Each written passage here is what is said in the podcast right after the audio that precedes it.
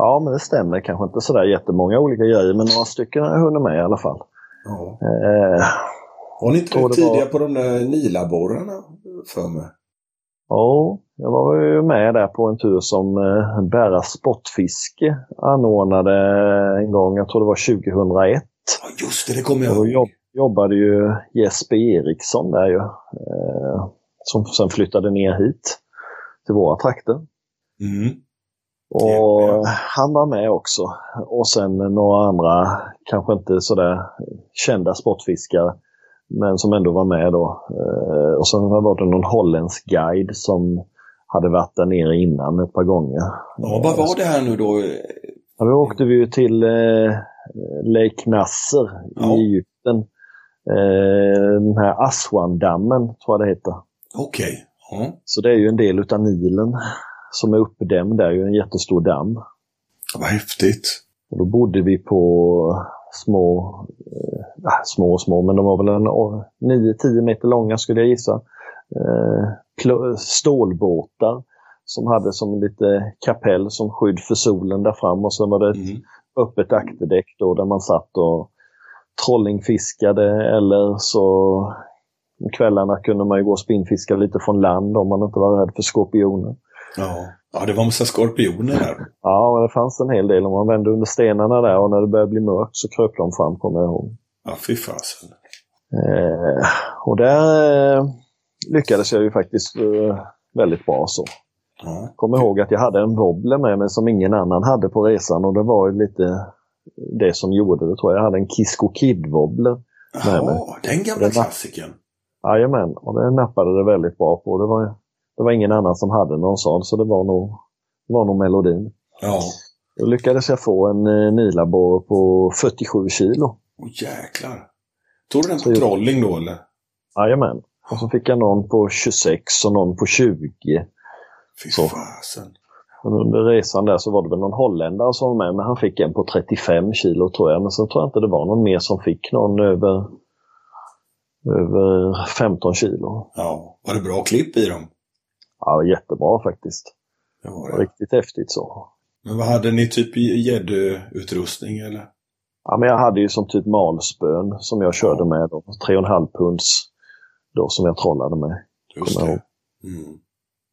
Och sen en eh, ambassadör 10 000 kommer jag ihåg jag hade. Ja. F- Flätlina och... Eh, nej, jag hade nylon. Mm. Jag, hade. Jag, är, jag är en nylonkille faktiskt. Jag, Ja, men det är jag gillar det. Jag gillar det. Det ska fjädra lite. Jajamän. Fina Jag tycker grejer. så, här, när, man, när man metar abborre och sådana här grejer och sen har man flätlina. Det blir så stumt och de Ja. knycker så, Man bara tappar dem hela tiden. Ja, det är jättetråkigt är det. Ja. Ja, jag gillar inte flät heller egentligen, utan också nylon. Men du, sticka emellan lite. Vad säger du om eh, fluorokarbon? Tror du att det är så magiskt så det syns inte under vattnet? Eh, Någonting som vi lärde oss under tonfiskfisket. Ja. Det, var, utan, det finns ju en kille som heter Peter Sernold som fiskar i Medelhavet jättemycket och håller på att tävla i tonfiskfiske. Och han påstår det att det här med fluorkarbon, det är superviktigt vad du har för de ser linan om du inte har eh, fluorkarbon och det finns enormt mycket skräp på marknaden Mm. som är då. Och det viktigaste av allt är att har du fiskat med fluorkarbonen så måste du tvätta den med sprit. Så du har spritservetter som du då torkar av fluorkarbonen med för att få den riktigt genomskinlig och få bort alla sådana här partiklar som fastnar på linan. Då. Ja, ja, just det. Och det är någonting som jag tänkte sådär, det kanske egentligen inte är så jävla dumt att tänka på det när man bottenmetar. Många gånger så har man kanske en sån här liten spole med fluorkarbon här hemma med och knyter på det för man vill inte chansa att ha en vanlig nylon. Det låter bättre med fluorkarbon för det ser de ju inte tror man. Nej, visst. Mm. Men att man är noga med sånt där också då för att få den riktigt osynlig. Precis. Sprita till den lite, ha med sig några servetter och fixa. Ja. Om man nu tror på det där. Ja, nej men det, det gör jag nog lite faktiskt. Ja, ja. Kanske för tonfisk och sådana, när du går uppe på de dimensionerna då. När man pratar liksom 1,5 mm lina, då kanske det ändå är relevant. Ja. Kanske det inte är så noga för när man är nere på 0,15 och metar mött. Ja, 0,15 nylon eller fluorokarbon. Det känns som det kvittar där kanske. Men den är ju jävligt god, fluor, fluorokarbon. Den är lite styv och det kan tycka jag är ganska bra. När man knyter helikopterriggar och sånt där. Och, så då gillar jag styvheten just i fluorokarbonet som jag testat. Ja. Att det skjuter, skjuter ifrån lite så det blir inte lika lätt trassel. Nej, så kan det vara. Mm. Många gånger när man ska knyta här havsfisketackel så är det ju himla bra så det inte trasslar på nervägen då. Att den är, som du säger, lite styvare. Ja, just det. Ja. Men eh, hur är det där idag den här Nasser då, om vi ska gå tillbaka till, till ja, jag, jag, vet ju att när vi var där så dröjde det väl ett par år efter det så då började de ju anordna resor ifrån Sverige ja. dit. Jag tror det var Jörgen Larsson som var reseledare bland annat. Mm. Eh, för det här. Så, så då fiskade de väl där under ett par år där men nu har man ju inte hört någonting på, på 15 år känns det som. Om Nej, det. det känns lite bortglömt. Men det kanske vet jag inte hur det är liksom i Egypten, om det är ett tryggt land att fiska i idag. Så kommer ihåg när vi var där så var det ju... Eh, där gick de ju med automatvapen med vakter och grejer utanför, bodde på något hotell och sådär. Och det var eh, stängsel runt och sådana här grejer. För att skydda er då? Ja, men det var för turisterna. Det var väl risk för attentat och sådana här grejer. Ja, just det. Mm. Så, så, jag kommer, kommer ihåg när vi var ute på de här båtarna då. Det fanns det ju, ute i det här ökenlandskapet så fanns det ju lite öar och grejer. Ja. Kommer jag ihåg, där stod det ju något sånt där beduintält där ute. Så bodde det ju någon familj där. Och då fick vi förklarat för oss att de hade ju blivit utskjutsade där och bott där i ett och ett halvt år på den här ön. Och sen var fiskare då i den här dammen. Så de hade ju sina barn med sig där och sen var det ju ett par karar då. Och sen så kom det ju en isbåt eh, typ var tredje dag eller någonting sånt där med is som tog hand om fisken som de hade fått då. Jaha. De körde runt till olika ställen i den här dammen och samlade upp fisk då. Och då levererade väl de även lite mat. Men de hade ju liksom inte varit ifrån den här dammen på ett och ett halvt år. Och när vi kom där med några konserver och grejer och sånt där, du vet, då blev de ju helt lyriska.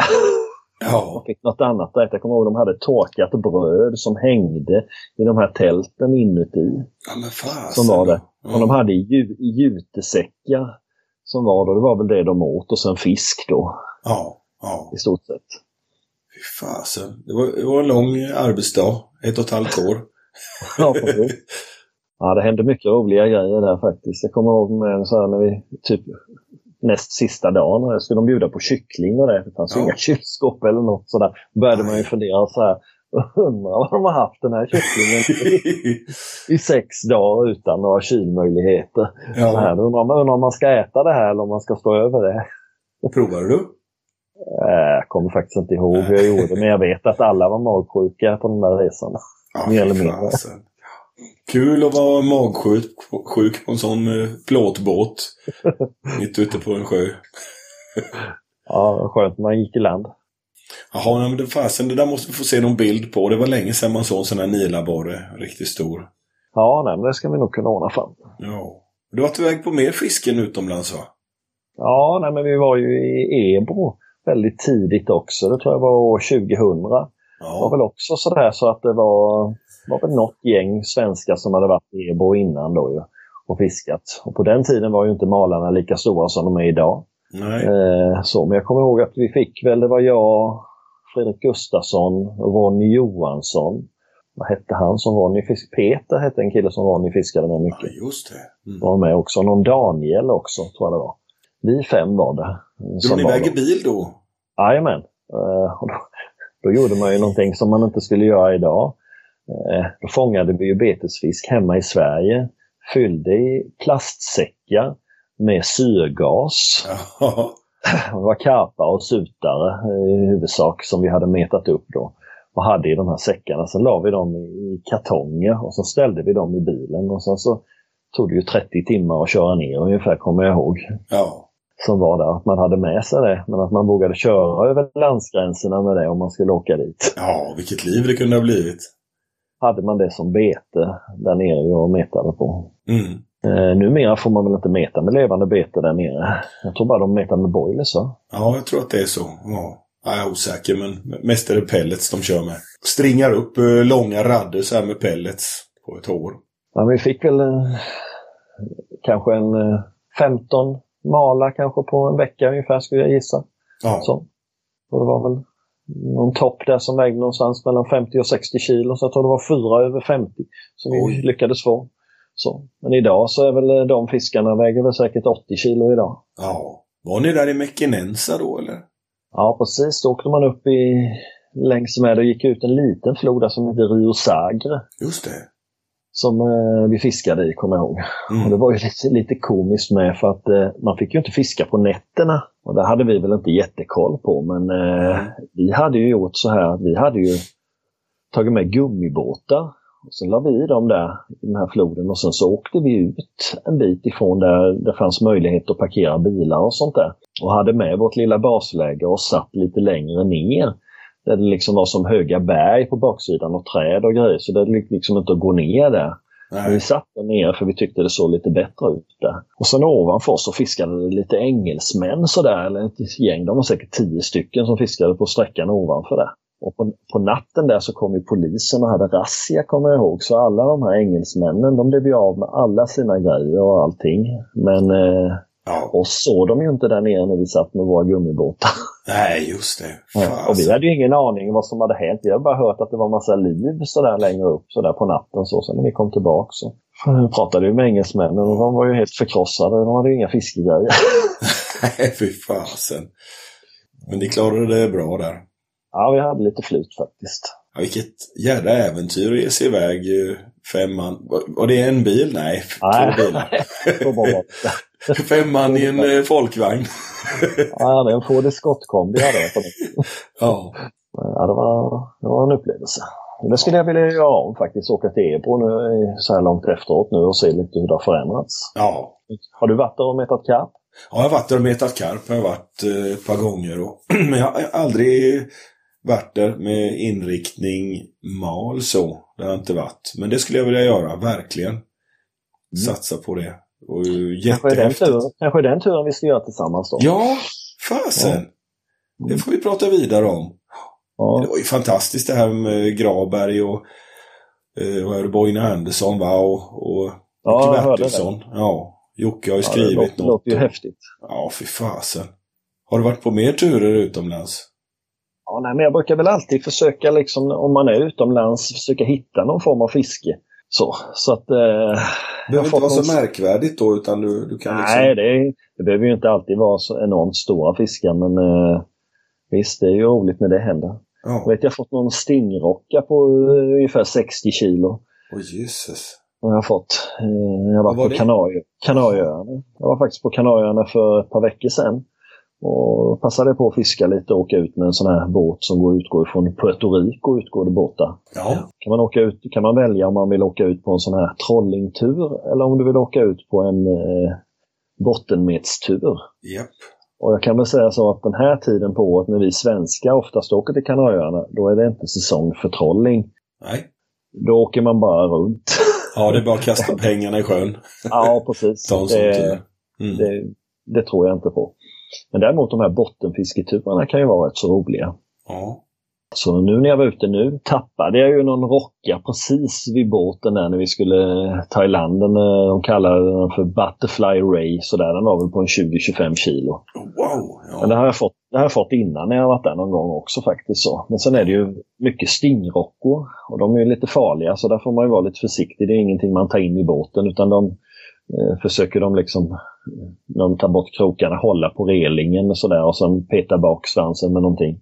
ja, Så de ska kunna... För de snärtar ju rätt så bra så. Ja, jag kan tänka mig det. Fy fasen. Och sen eh, när jag var nu den här gången så eh, passade vi på att meta lite med levande bete också. Då fick vi faktiskt bonito, samma sorts bonito som man har kunnat fånga utanför kärnkraftverket i Halland. Jaha. Ja. Var de lika stora eller? Han var lite större faktiskt. Ännu större till och med. Ja. Ja, ja han var nog fyra kilos ungefär det här. Så, som jag fick där nere. Och sen bar barracuda lyckades jag få. Ja, ja. Just det. Eh, lite andra sådana här lustiga fiskar. Någon snapper och sea bream. och Lite Ja. sånt. Ja. Fasen vad kul det låter alltså. Ja, det, det kostar väl en, eh, någonstans mellan 50 och 70 euro att åka ut på en sån där dagstur. Ja. Men det kan jag faktiskt rekommendera om man åker dit på solsemester. Det är bara att gå in i ett sånt här ställe där man kan boka olika aktiviteter och säga Ja. att du vill åka och fiska. Jag brukar åka ut med en båt som heter White Striker. De tycker jag är bra. Jag har varit ute med några olika när jag varit där. De finns i Puerto Rico då?